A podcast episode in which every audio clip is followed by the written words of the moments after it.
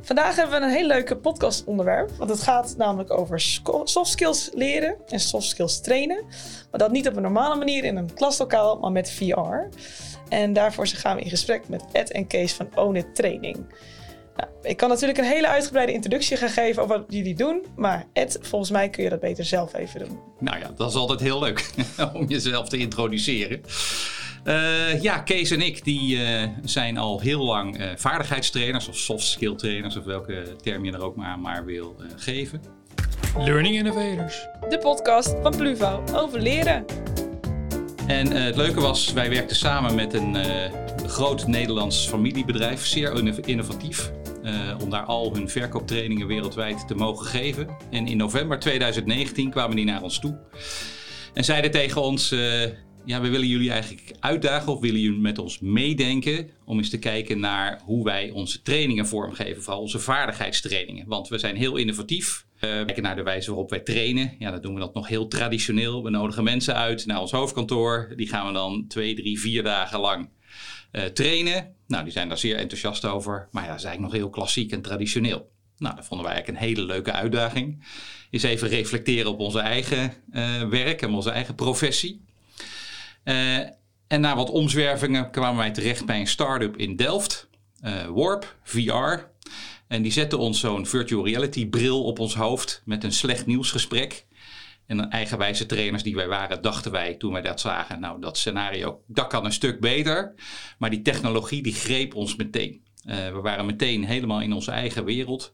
En we dachten eigenlijk, hey, deze technologie is zeer interessant om eens te gaan onderzoeken of dat een toegevoegde waarde kan zijn op ons vakgebied. Nou ja, toen kwam wat iedereen weet eh, corona. Dus toen hadden we ineens drie jaar de tijd om echt heel uh, erg goed na te denken over deze ontwikkeling.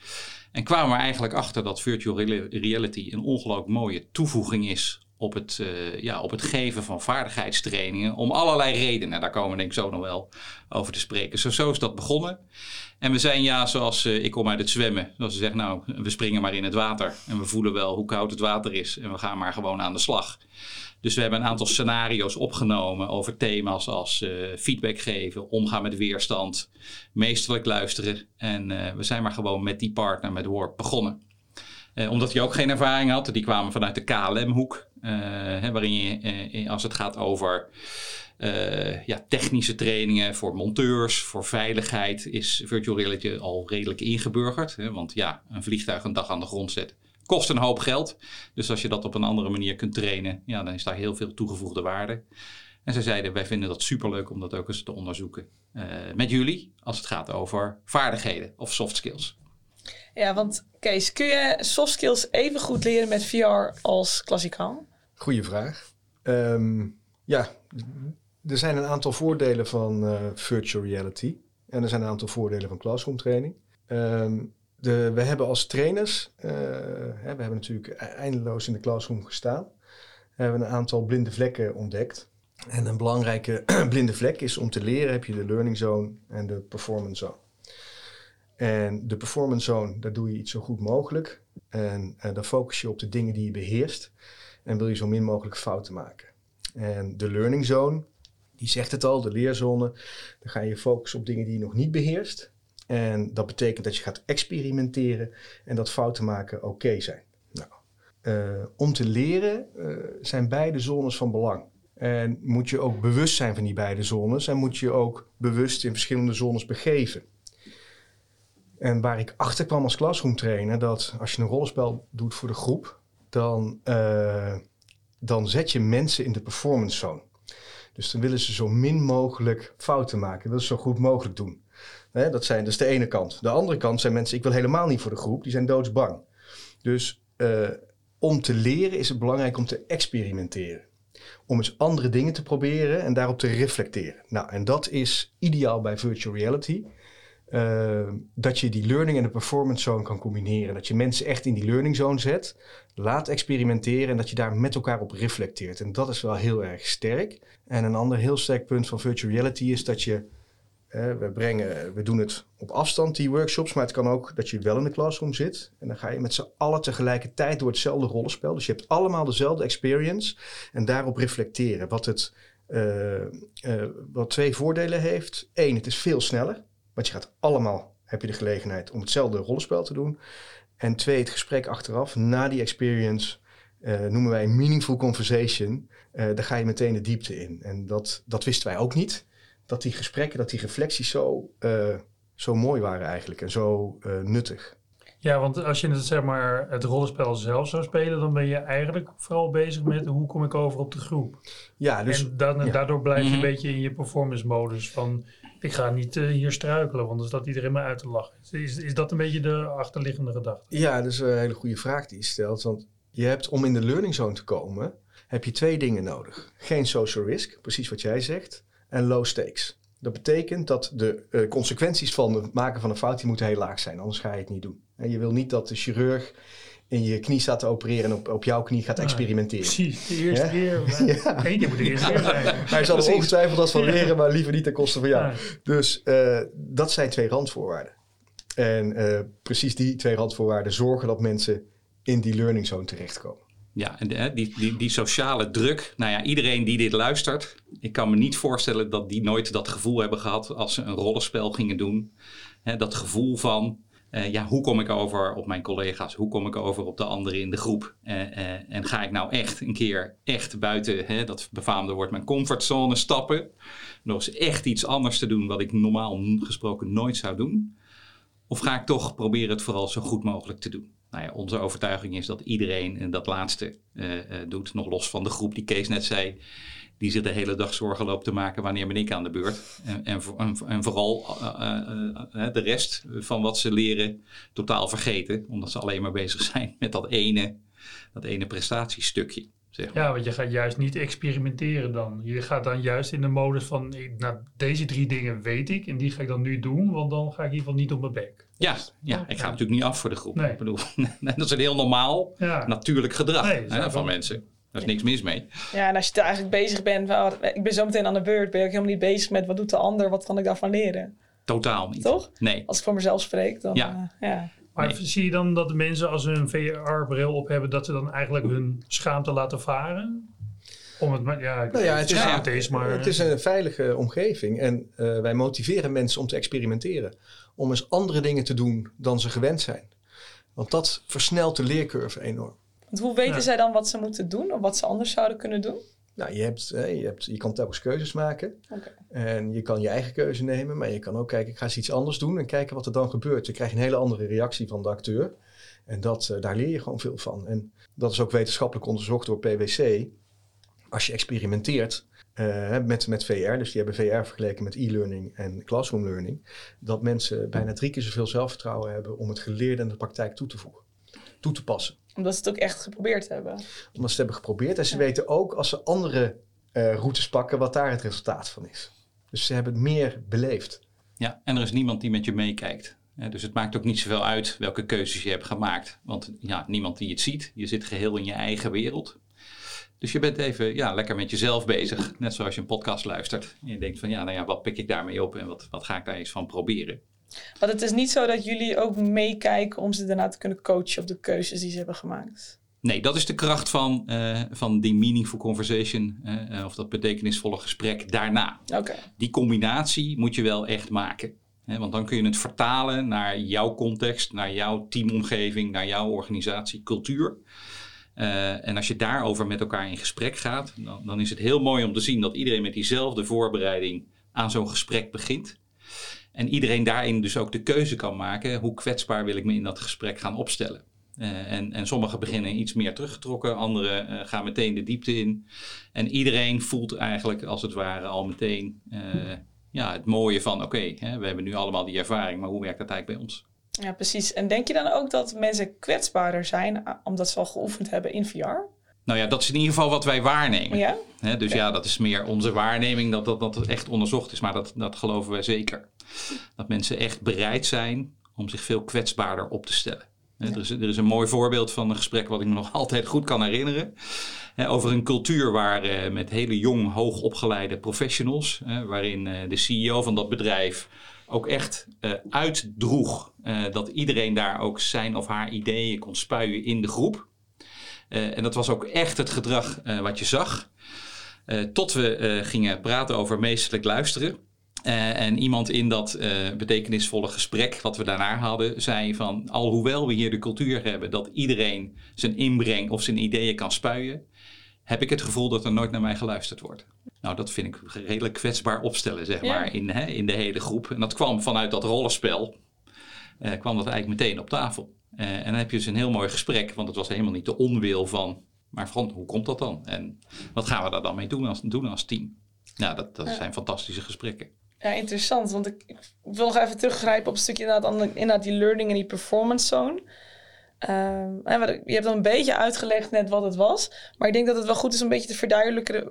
Hoe weet je of je in de learning of in de performance zone zit? Ja, En Kees heeft een fantastisch verhaal over blind typen. Oké, Ik denk dat dat echt één op één eh, eh, illustreert wat dat betekent.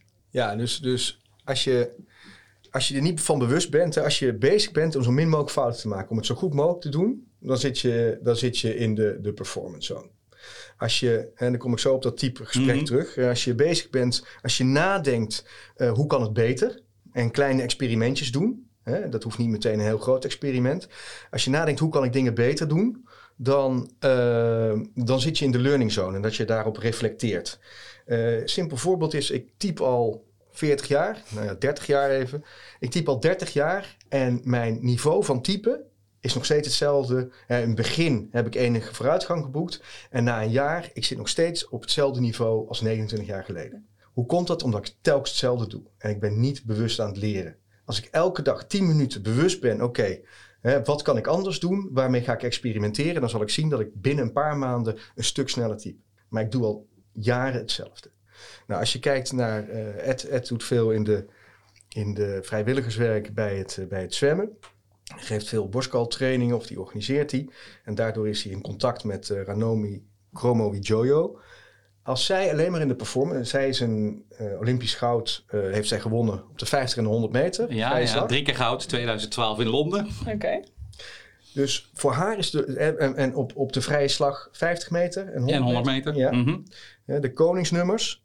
Als zij alleen maar in de performance zone zou zitten, dan zou zij elke dag trainen op zo hard mogelijk 50 meter zwemmen. Dat is de performance zone.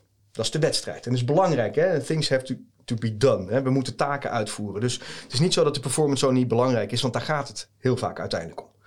Maar om zo goed mogelijk te performen, moet je dus afwisselen. Hm. Dus wat zij heeft gedaan is bijvoorbeeld, nou, wat bij zwemmen heel belangrijk is, is core stability. Hè? Dus de stabiliteit van je core. Nou, daar doet ze allerlei oefeningen op. Maar bijvoorbeeld ook de manier waarop ze traint, eh, daar is ze ook mee gaan experimenteren. Eh, onder andere, wanneer ga ik beelden terugkijken? Vroeger ging ze een half uur zwemmen en na een half uur gingen ze beelden terugzwemmen. Zij is gaan experimenteren. Nee, ik ga na twee minuten beelden terugkijken. Nou, ze kwam erachter dat dat veel leerzamer was. Maar ook haar startpositie. Zoals met Jacco Verhagen. Verharen. Verharen. Verharen, excuse me. Goed dat je me verbetert. Ja, ja, ja. Jacco Verharen, die had, die, ze zijn gaan experimenteren met haar houding bij de start. En ze kwamen erachter als haar knie op een hoek van 51 graden stond, dat scheelde 500ste van een seconde. Nou, is het verschil tussen goud en zilver. En zij, zij is dus uitgebreid gaan trainen zodat ze kon voelen in welke hoek haar knie stond. Nou, dat is een voorbeeld van deliberate practice. Dus dan ga je heel bewust experimenteren hoe je eh, kan verbeteren. En uiteindelijk levert dat dus eh, een betere performance op. Dus het bewustzijn van die twee zones, ehm, eh, dat zorgt ervoor dat je uiteindelijk beter presteert. En als je alleen maar in de prestatiezone zit, dan, eh, dan niveleert je prestatie, dan hou je op met, met beter worden. Dus eh, ik weet niet of dat een antwoord is op je vraag. Nou, ik vind het vooral heel frappant dat het, het klinkt zo logisch, maar toch doen we dit niet. Ja, Dat we, en wat jij ook eerder al zei, we zitten eigenlijk constant in die performance zone en niet in die learning zone. Maar als je die vergelijking maakt, dan denk je van ja, dan kom je helemaal niet verder. En de eerste wat ik dan denk is, hoe ga je dat als organisatie veranderen? ja. Nou, Eduardo Briceno, die heeft, daar, die heeft daar een boek over geschreven, de Performance Paradox. Daar hebben wij deze wijsheid ook van. Ja. En ehm, die heeft het niet over learning by doing, maar learning while doing. En dat betekent dat je eh, met elkaar kleine experimentjes, want je wil natuurlijk als er dingen op het spel staan, wil je niet meteen hele grote veranderingen toevoegen, maar dat je je bewust bent, oké, hoe doen we het nu? Gaat nadenken hoe het beter kan en daar kleine experimentjes op toevoegt en daarop reflecteert. En dan ga je dus ehm, nou, dan ga je met elkaar leren. En dat betekent dus dat je bewust moet zijn, wederom, eh, van je huidige proces en bewust moet zijn, oké, hoe, kunnen we, hoe kunnen we het verbeteren en daar bewust mee aan de slag gaan. En in heel veel organisaties, en, en, en we hebben het altijd druk, et cetera. Dus door die tijdsdruk en, en, en doordat hard werken altijd wordt beloond, uh, stappen we in de valkuil door in die performance zone te blijven. Ja, en, en uh, ik geloof ook heel erg, en daar zijn wij mede uh, onderdeel van geweest, maar misschien nog steeds wel van, is dat we dat leren en presteren heel erg uit elkaar hebben getrokken. Dus we organiseren trainingsdagen. Ja, de vraag is, is dat wel zo effectief? Als je weet over Ebbinghaus en de forgetting curve en dat we 80% van wat we leren binnen een dag al vergeten zijn. Hoe effectief is het dan om leren en presteren uit elkaar te trekken? terwijl wat Kees zegt is misschien veel interessanter. Laten we naar methoden zoeken om leren en presteren veel sneller te integreren. En daarom is virtual reality ook zo interessant. Uh, want in plaats van een hele dag vaardigheidstraining kunnen we dat misschien wel in twee uur doen. En vervolgens meteen weer aan de slag om wat we gedaan hebben in de ochtend of in de middag toe te gaan passen uh, op de werkvloer. En dan kom je veel dichter bij die sportbeleving van een Ranomi of allerlei andere voorbeelden. Uh, die zeggen van oké, okay, ik ben heel bewust bezig met mijn trainingsproces, maar pas het daarna ook direct toe. In plaats van, nou ja, we gaan een hele week op training en volgende week hopen we wel om het te gaan toepassen. Maar we zijn eerst weer uh, voor een hele week bezig om onze achterstand van de week daarvoor in te halen. Ja, want maar 15% als je geen opvolging hebt, doet iets met een training. Ja. 15%. Ja. En als je dan kijkt hoeveel geld we uitgeven aan klassikale trainingen van een dag en een week.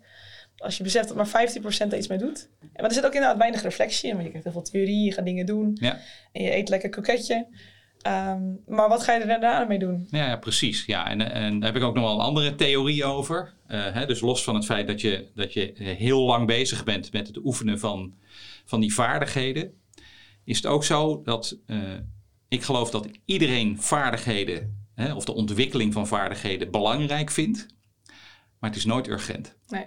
Want het is nooit zo dat je het nu moet doen. Nee, en het is ook nooit als ik vandaag iets krom feedback geef, ja, dan, dan heb ik misschien hooguit een keer uh, een discussie met mijn collega. Maar ja, ik bedoel, er stort geen vliegtuig neer, hè, of er zinkt geen boot, of uh, er overlijdt geen patiënt, zeg maar. Hè, dus ik vind het wel heel belangrijk, maar er is altijd wel een excuus om het morgen te doen. omdat ja, een dag besteden aan vaardigheden, dat is nogal een investering. Dus als dat nou sneller kan, effectiever en we verbinden dat meteen aan afspraken in het team, dan geloof ik echt dat het veel effectiever wordt. Vanwege de redenen van experimenteren, fouten maken en veiligheid, maar ook snelheid en direct toepasbaar. Maar eigenlijk zou je, sorry, als ik aan die sporter denk, die heeft maar één doel. en dat is de beste zijn. Toch? Die, die, die, die, is daarop ge, ja, die is daar alleen maar mee bezig. Mm -hmm. En ja, dat, en, en dat is natuurlijk bij iemand die ergens. Ja, tenminste, ik, ik kan me voorstellen dat een team eigenlijk dat ook als doel moet hebben. Een team, dus een team binnen een organisatie. Dat ze naast dat het gedaan moet worden, dat ze ook de beste willen zijn. En dat je dan pas dit belangrijk gaat vinden. Want als je dat niet vindt, dan ga je gewoon, mm. nou jongens, oké, okay, uh, nou, tot morgen maar weer. Ja. Ik wil, krijg je zo'n vibe. Terwijl ja. je wil, eigenlijk wil je dus, je wil leren. Waarom wil je dat leren? Om, omdat je de beste wil zijn. Tenminste, als je die sportmetafoor... Nou ja, ja, het is een, een sporter, want, als ik met Ranomi praat, die wil niet per se de beste zijn. Die wil het beste uit zichzelf halen. Ja, en die weet precies. dat ze geen invloed heeft op haar, uh, uh, op haar tegenstanders. Dus die is bezig, elke dag bezig. Uh, nu niet meer, maar goed, nee. toen ze nog zwom, was ze elke dag bezig om het beste uit zichzelf te halen. En wat, wat, uh, welke prestatie dat uiteindelijk toe leidt. Ja, er zijn zoveel factoren die daarvan op invloed zijn. Maar in ieder geval, uh, sporters of topsporters zijn over het algemeen heel tevreden als zij hun beste, het beste uit zichzelf hebben gehaald. Ja. Een beste race, een beste wedstrijd, een beste noem maar op. Hè. Dus ik luister altijd veel interviews uh, uh, van dingen die ik dan leuk vind. Of het nou Max Verstappen is of Ranomi. Of, en die zijn heel erg bewust van het feit dat wat ze kon, kunnen controleren ligt dicht bij zichzelf. Ja, ze en al ook, het andere daaromheen laten ze heel snel achter ja, zich. Ze reflecteren altijd op wat ze zelf gedaan Ja. hebben. En niet zo van, nou, die ander, bu, bu, bu. nee. Ja. Van, nou, ik had dit en dit. Volgende keer ga ik dit aanpakken en dat maar. Precies. Ja. En of dat dan leidt tot de allerbeste zijn, Ja, het is mooi. Het allerbeste zijn wat zij kunnen. Maar zij weten, Ja. om te winnen moet je eerst leren verliezen. Ja. En ik denk dat het eh, ook te maken heeft, eh, wij, wij begeleiden best veel sales teams ook. En sales team is in dit geval wel een goed voorbeeld, omdat daar de performance heel helder is. Hè. Je hebt die doelen, die zijn eh, kraakhelder. En de grote valkuil bij sales teams is dat ze eigenlijk telkens hetzelfde doen en de hele tijd kijken naar de resultaten. En wij proberen teams, eh sales teams, maar andere teams ook veel meer op het proces te zitten. Jongens, laten we nou eens met elkaar kijken. Hè? Hoe doen we het nu? Wat werkt? Wat werkt minder goed? Wat kunnen we eens gaan proberen? Dus dat we veel meer op het proces zitten van hoe we beter kunnen doen. Niet per se we hoeven de beste te zijn, maar hoe kunnen we beter doen? Hoe kunnen we het anders doen? En met elkaar gaan leren, eh, waardoor mensen beter worden. En wat ik in veel teams zie, en zeker hoe ervaren ze zijn, dat mensen al jaren hetzelfde doen.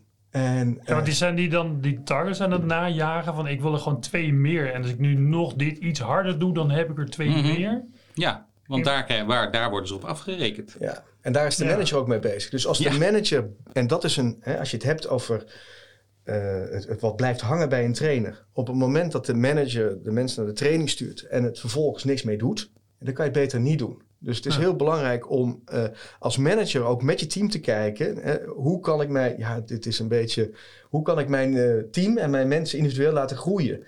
En laten groeien op die manier. Hoe kunnen we met elkaar leren en met elkaar experimenteren? En dat, dat motiveert mensen over het algemeen ook veel meer dan heb ik mijn target wel of niet gehaald. Dus ga veel meer op het proces zitten. En niet Maar- alleen maar kijken naar het resultaat. Want wat is het doel dan? Het, is, het doel is dat mensen dan... Het is niet alleen maar dat ze dan gelukkiger zijn. Of is dat wel het doel? Of, En Nee, eh, eh, het doel is door te focussen op het proces, eh, eh, ben je bezig om die zaken te beïnvloeden die je echt kunt beïnvloeden. En zo kom ik weer terug naar de sporter. Hè. Dus als ik een race gezwommen heb in dit geval en ik tik aan, dan weet ik wat het resultaat is. Maar kan er weinig meer aan veranderen. ja. Hè, dus de volgende keer ga ik alleen maar aan de slag met nou ja, alle technieken en, eh, eh, en mentale zaken en fysieke zaken die ik kan beïnvloeden samen met mijn trainer, of in dit geval mijn manager, om ervoor te zorgen dat mijn resultaat in de toekomst eh, beïnvloed wordt. En of dat dan het beste is of beter dan de vorige keer, daar reflecteren we continu op. En in verkoop is het vaak zo dat we zeggen: ja, we hebben te weinig verkocht. En de enige eh, eh, suggestie die ik dan krijg, verkoop meer. Ja, of harder werken. Ja, dat wist ik, dat wist ik ook al. Meer bellen. Ja, meer klanten bezoeken. Ja, nee, misschien anders klanten bezoeken. Of hoe doen we dat dan? Wat Ja. kunnen we daarvan leren en anders doen? Dat zit natuurlijk ook heel erg in onze cultuur. Hè? Dat als je maar je best doet, hè, dus iets gaat niet, meer je best doen. Ja. En je best doen is natuurlijk heel belangrijk. Maar denk ook even naar hoe. ja, Dus precies. Want anders blijf je... slimmer. Ja.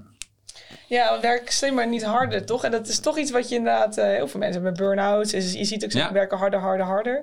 Maar we moeten inderdaad slimmer werken. En ik denk dat je zowel als, nou ja, als medewerker... maar ook als manager daar een hele grote verantwoordelijkheid in hebt. En dat is volgens mij ook wel wat ik uit dit gesprek leer. Van enerzijds moet je experimenteren als, als, als, nou ja, als, als, als salespersoon. Maar je moet ook een organisatiecultuur creëren... waar je mag falen. Juist. Ja, Waar je mag experimenteren. precies. Ja. Ja. Nou, misschien om een voorbeeld van onszelf te geven. Ik bedoel, hè, wij experimenteren ook al drie jaar. Eh, dat was ook allemaal niet en is nog steeds niet perfect. Eh, eh, dus onze droom was, toen we begonnen... wij denken echt hè, dat mensen, als het gaat over vaardigheden... dat ze dat met virtual reality tijd en plaats onafhankelijk kunnen gaan doen. Hè, dus iedereen bepaalt voor eh, hem of voor haar wanneer het tijd is dat ik mijn specifieke vaardigheid wil verbeteren. Want dat is het mooie, je kunt dit alleen doen. Dat werkt dus niet. Nee, wat maar volgens mij Kees zei je ook al van, dan doen ze het niet. Nee, dan komt dat. Het is altijd belangrijk, maar nooit urgent. Nee. Dus het is heel belangrijk om mensen wel bij elkaar te halen. Eh, en dat kan virtueel zijn en dat kan eh, face-to-face zijn. En maar vervolgens wel op een snelle manier dezelfde ervaring op hetzelfde moment met elkaar te hebben en het dan te bespreken met elkaar. Dus je kunt die classroom niet loslaten, is onze ervaring nu. Maar je kunt het wel sneller en veel effectiever doen. Eh, en dat is, dat is het mooie van onze experimenteren. Want wij dachten, ja, dat is toch super mooi. Iedereen, we leggen een bril neer op kantoor en iedereen gaat dat doen. Ja, dat gebeurt dus niet. Ja. Hè? En, dat en eigenlijk begrijp ik dat ook nog wel. En wat ik dan wel interessant vind, hè, want als je inderdaad kijkt naar, naar experimenteren, eh, statistiek. eh, is het zo dat jullie dat op een bepaalde manier doen dat je zeg maar ook bijna nou, wetenschappelijk kan aantonen dat iets invloed heeft? Of is het meer gevoelsmatig dat je denkt, ik probeer een keer wat anders en oh, het heeft nu geholpen? Nou, dat laatste is denk ik wat we nu doen. Maar we zouden dolgraag natuurlijk een keer een onderzoek doen. Net zoals eh, PwC dat heeft gedaan. eh, om ook echt in een organisatie eh, eh, eens aan te tonen van... hey, is deze methode van leren nou eh, echt effectiever dan eh, die methode, de traditionele methode, zeg Ja. maar. Dat zou natuurlijk prachtig zijn, hè, om daar wat meer data over te gaan verzamelen. Absoluut. Want ik weet hoe lastig het is, want eh, wij hebben zelf vanuit Pluvo een growth sprint, ze noemen we het zelf ook. En Mhm. we proberen alles eigenlijk in een experiment te doen. Dus als mensen ook ideeën hebben, dan proberen we het ook nou, met getallen hard te maken. Dus wanneer is nou een experiment succesvol, wanneer niet. En dat kan ook op leren betrekking hebben. Maar je hebt best wel veel data daar ook voor nodig. En dat kan ook heel persoonlijk zijn. Dus inderdaad, wat voor jou werkt in een salesgesprek, zal misschien voor jou weer niet werken. Ja. Dus dat lijkt me er best wel lastig aan. Ja, precies. Maar de methode kun je wel onderzoeken. Ja. Dus wat, wat, eh, wat PwC zei, eh, krijgen mensen meer zelfvertrouwen om het ook echt toe te passen. Scheelt de tijd. Eh, voelen ze zich meer verbonden met het onderwerp. Nou ja, allerlei zaken die je zeker wel kunt onderzoeken. En daar zijn wij geen expert in. Daar heb je echt onderzoekers voor nodig die, eh, die dat op wetenschappelijk niveau kunnen doen natuurlijk. Nee, maar alleen al zou het zo zijn dat je voorheen moesten twee mensen iets voordoen en sta je met z'n allen daarna te kijken. En nu kan iedereen het gewoon gedaan hebben. Dus je hebt sowieso al winst in wie het allemaal geoefend heeft. Precies, ja, Dat dat, is dat, een- dat is dat is evident. ja, dat is evident. dat klopt, ja. Ja. En daarna naspreken heb je tenminste allemaal dezelfde ervaring, zoals jullie al aangaven. En een vraagje daarover. Hebben jullie die, eh, die verhaallijnen hebben jullie allemaal moeten uitschrijven?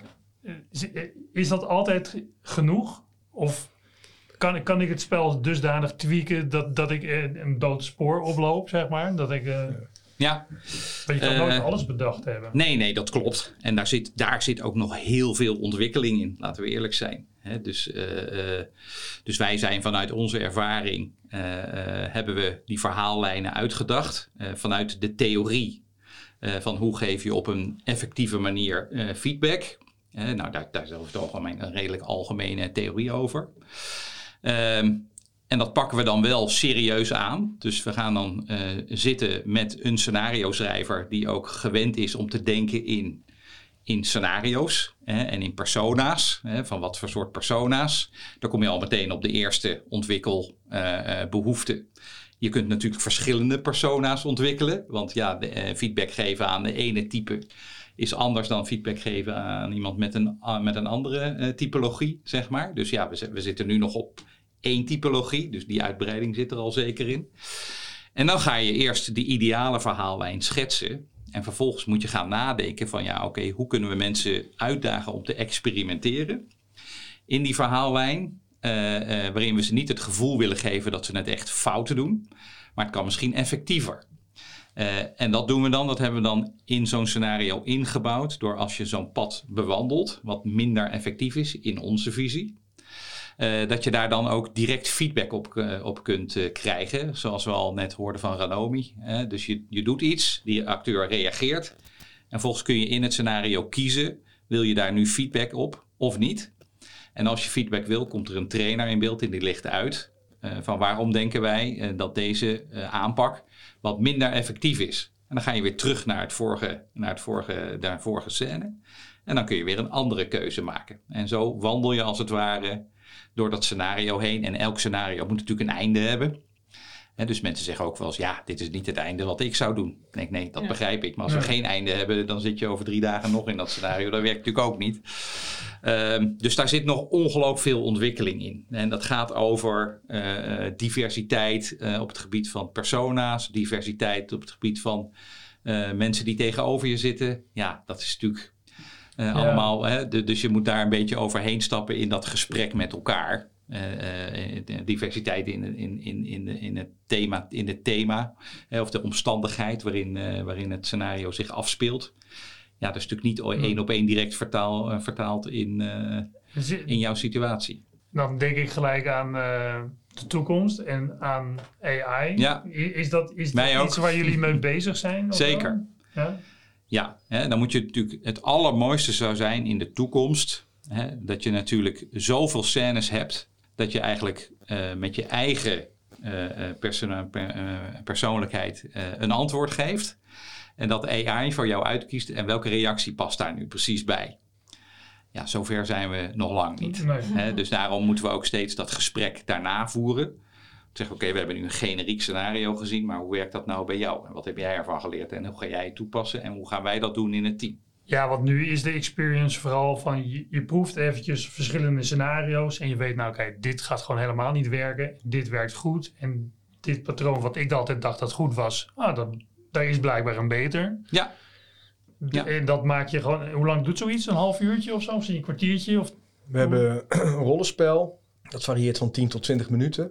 En dan een lecture waarin het theoretische framework wordt uitgelegd. En dat is meest tussen de 5 en de 10 minuten. ah, oké. En daarna ga je, kan je er met z'n allen over En praten dan van nou... met, eh, juist, dan ga je met elkaar in gesprek. En het is ook interessant om te zien dat... We hebben ook wel eens teams gehad met... eh deden we een pilot en er zat de directie bij... en eh, sales managers en medewerkers. En dat je dus op verschillende niveaus... iedereen haalt er weer, hetzelfde, weer iets anders uit. Dus dan denk je van... nou, die, die, die, die eh, directieman... Die, eh, nou, die is heel ervaren op het gebied van soft skills... En die, die haalt er niks uit, maar die haalt er wel zeker wat uit. Hij kwam er bijvoorbeeld achter dat hij, het ging over omgang met weerstand, dat hij veel te direct was en dat hij veel te weinig liet merken dat hij de ander hoorde. Dus ieder haalt er weer op zijn niveau weer iets uit en dat maakt het gesprek ook zo mooi. En voor ons ook heel leuk, want ja. zelf leren we er ook vaak weer iets van. Ja, interessant. Hey, en als ik nou een beetje de onderwerpen samenvoeg, want we hebben het gehad over eh, de Learning Performance Zone, daarom VR, omdat je dan mag experimenteren en falen. We hebben ook gezegd dat het niet één moment moet zijn, maar dat het ook in je werk verweven moet worden. Als we nou die twee onderwerpen samenvoegen, hè, ze hebben die training gehad, die VR-training, die reflectie, en daarna moeten ze het eigenlijk gaan toepassen eh, in hun werk, zou je zeggen. Is dat iets waarbij jullie begeleiden of waarbij jullie zien van, god, dat werkt, zodat we het ook echt gaan toepassen de dag daarna? Ehm, ja, dat kan hè, natuurlijk. Eh, maar het allerliefst hebben we natuurlijk dat de manager die handschoen oppakt. Eh, welke rol dan ook. Dat kan ook een interne coach zijn of maar iemand binnen de organisatie. Eh, want het is heel leuk en we komen graag heel vaak heel veel. Maar uiteindelijk is dat natuurlijk niet toekomstgericht. Nee. Dus, dus we kunnen op allerlei manieren ondersteunen. Maar het mooie is als die rol van hè, dat, dat betekenisvolle gesprek of die meaningful conversations, als dat wordt opgepakt in het team of in de organisatie, dan gaat het echt leven. Ja. Eh, eh, en, dan, en dan kunnen ze altijd eh, nog een keer zo'n sessie doen met, met brillen. Halen we mensen bij elkaar. Maar het mooiste is als wij gewoon de koffer afgeven bij de deur. En zeggen nou veel plezier ermee vandaag. En vanmiddag komen we hem ophalen. Want dan, dan wordt het echt eh, levend in een organisatie, zeg maar. We hebben een paar klanten waar we met een interne coach werken. Dus we hebben een coach opgeleid en die ook zeer gemotiveerd is, hè, die het heel mooi vindt. En dat werkt ontzettend goed. Dus die begeleidt, mensen bellen hem, hij begeleidt eh, de jongere, onervaren medewerkers. Hij begeleidt managers tijdens, eh, tijdens meetings om, om, om dat leren te incorporeren. Dat zijn wel hele mooie voorbeelden, want die, die heb je, je, hebt wel, je hebt wel draagvlak intern nodig. Anders dan Ja, want zo'n sales team heeft ook vaak wel vrij, veel verloop natuurlijk. Dus is het een beetje, of ja, dat niet altijd natuurlijk, maar Nou, we werken ook met, eh, met, met, met eh, consulting eh, groepen. En die hebben inderdaad een hoog verloop. Dus daar, daar is het ook heel goed om te herhalen. Het is sowieso goed Ja. om te herhalen. Dat is ook iets, nou, dat neemt Ed altijd mee. Bij sporten herhalen we eindeloos, trainen we eindeloos. En bij soft skills heb je één keer een feedbacktraining gehad en eh, denk je te beheersen. Kan je waarschijnlijk heel goed meepraten over het onderwerp, maar het laten zien. We zien altijd een gat tussen know-how en show-how. Dus ook soft skills eh, zul je moeten blijven oefenen. Dat is ook zo'n misvatting. ja, Ja, hoe doe je dat schaalbaar? gewoon thuis heel veel praten. Of, Ja, ik, waar, waar ik heel erg geloof is dat dingen laten terugkomen in, in teammeetings. Oké, Ja. Ja. Dus laat mensen eh, verhalen delen. Hè, de, de, de, een voorbeeld van de Tree of Growth. Wat zijn mijn grootste fouten die ik heb gemaakt? Wat heb ik daarvan geleerd? Ehm, maar ook successen delen. En daar is met elkaar over in gesprek gaan. En dat is oefenen. Het is, het is allemaal geen rocket science, maar er moet wel aandacht aan worden besteed. Ja, nee, dus het, het, echt het mooiste is als leren op de agenda staat van de teammeeting. Ja. Ja. Ook het, hè, het commerciële overleg. Ja. Eh, hè, dus even, nou ja, hè, dat delen van successen, delen van, eh, van fouten en wat hebben we daarvan geleerd. En daar kun je dan weer eens een keer oefenen in integreren. Dat hoeft natuurlijk niet elke overleg. Eh, maar haal het, herhaal het eens regelmatig. Ja, wat leuk. Ja, wij doen dat ook met ons salesoverleg. We hebben een punt op de agenda. Wat hebben we geleerd deze week? Ja, Ja, cool. Maar ik ga het helemaal niet door dat dat hiermee te maken had. ja dat heeft hier zeker Ja. mee te maken. Heel mooi. Ja. Ja, wat ook inderdaad als we een deal binnen hebben van hè, wa- wat ging daar goed? En ook eh, als we het niet hebben gehaald, wat, wat kunnen we daarvan leren? En soms weet je het ook niet. We vragen ook wel feedback, maar Ja, soms cool. weet je Ja, het nog nee, steeds precies. niet. Ja. Nee, inderdaad. Wij zeggen ook gewoon, eh, want wij zijn in juni met een hele nieuwe sales aanpak begonnen. Ik heb ook gewoon gezegd, we moeten met elkaar gaan uitvinden en inderdaad experimenteren. Sommige dingen werken, andere dingen niet. Wel de beste manier om te leren, Ja, denk cool. ik. Ja. En als je die mindset in je team hebt, ja, dat werkt heel motiverend. Ja, absoluut. Nou, mooi. Nou, we hebben inmiddels al heel wat eh, besproken, ook al over jullie trainingen, wat Ja. jullie doen, maar ook een stukje visie. Dat vind ik ook wel heel tof om te horen. Is er nog iets laatst, eh, iets wat je wil, jullie willen meegeven aan de luisteraars over bijvoorbeeld jullie bedrijf of over de VR-trainingen die jullie geven? Nou, waar we nu mee bezig zijn, is wel leuk, is met ook wel een focus op, eh, op, op het engineers, techneuten, die in multidisciplinaire teams moeten werken. Wat wij zien is dat iedereen heeft zijn eigen specialisatie, zijn expertise. En nu het multidisciplinair is, eh, moeten ze beter leren samenwerken. En eh, wij hebben nu gemerkt, we zijn met de eerste teams bezig, dat eh, dat, dat heel goed past. Dus wat we dan doen is met elkaar, met de bril, leren, reflecteren en meteen teamafspraken maken. En dat is een, dat is een hele mooie manier om teams beter te laten samenwerken. Dat is, dat is een van de dingen die wij willen wel een hele goede doelgroep is. Want dat zijn dan geen salesgesprekken, maar dat zijn echt meer... Ja, Echt op samenwerken. Dus we hebben nu een paar salesvoorbeelden gegeven. Maar eigenlijk waar wij heel goed in zijn is om teams beter te laten samenwerken. Ja, precies. Ja, in mijn hoofd heb ik nu ineens... Het zijn alleen maar salesgesprekken, Nee. maar Ja, dat, nee, dat is het dus helemaal niet. Nee, het is- absoluut niet. Nee, het is echt eh, veel meer geënt op samenwerken dan op, eh, op sales. Ja, niet voor niks heet het interpersoonlijke vaardigheden. Ja. eh, als je het vertaalt. Dus eh, nee, wat ik nog wel zou willen meegeven is... eh, eh, ga eens experimenteren.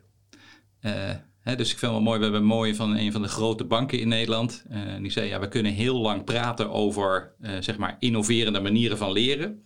Maar wat wij doen is, we pakken gewoon een team. We gaan dat gewoon een keer proberen en dan zien we wel wat er gebeurt. En dat is weinig risico, is weinig investering. Eh, maar anders zitten we een jaar te delibereren over, eh, eh, over een idee waarvan iedereen denkt, ja, dit werkt toch niet. Of eh, er is nog geen AI geïntegreerd. Of eh, hè, het is niet in het Spaans. Ja, allemaal hartstikke leuk. Ja.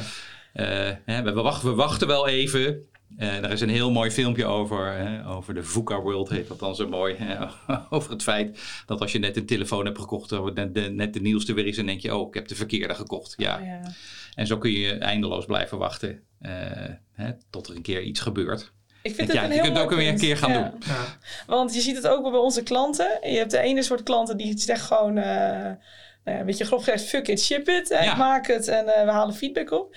En soms zien we echt bij mensen die zijn dan misschien wel twee jaar bezig met een e-learning. Omdat die nooit, ja, maar hij is nooit af, het is nooit perfect. Nee, Dus tegen die mensen gaat het gewoon lanceren. En Ja. je ziet wel, je krijgt dan toch pas je feedback als je het gaat doen. Ja. En Wij doen het toch ook. Zeg maar met nieuwe features. We- we- die leveren altijd gewoon in kleine stukjes Ja, Ja? op. Het is Ja. niet... We hebben soms wel eens iets grotere features, maar eigenlijk zijn wij er van de partij gewoon steeds kleine beetjes. Natuurlijk is er een groter plan achter, maar als we gaan wachten met dat live zetten op het moment dat dat af is, dan ja, A, duurt het te lang en B, misschien zitten mensen er helemaal niet op te wachten. nee. En als het dan af is, is het nog steeds niet perfect. Nee. Dus ja, Eh, hebben we één keer gedaan, dat doen we nooit meer. nee, ja, heel goed. Heel goed. Ja, top. Nou, hartstikke leuk om jullie te gast te hebben gehad. Ehm, nou ja, ik kan me voorstellen dat meer mensen eh, dingen over jullie willen weten. We zetten natuurlijk even een linkje naar de website in de show notes. Maar jullie mogen jezelf natuurlijk ook nog even pitchen. Waar kunnen we jullie vinden? Nou ja, je kunt ons vinden op eh www.onittraining.com of gewoon een mailtje sturen naar apenstaartjeonittraining.com of naar kees.onittraining.com en dan komen we graag langs om eh, samen met jullie te experimenteren en gewoon eens ervaringen op te doen. Nou, top. Dank jullie wel. Dank je. heel graag gedaan. Jullie ook Ja. bedankt. Dit was weer de Learning Innovators podcast voor deze week. Word lid van de Learning Innovators community op www.learninginnovators.nl of volg ons op Instagram, pluvo.nl.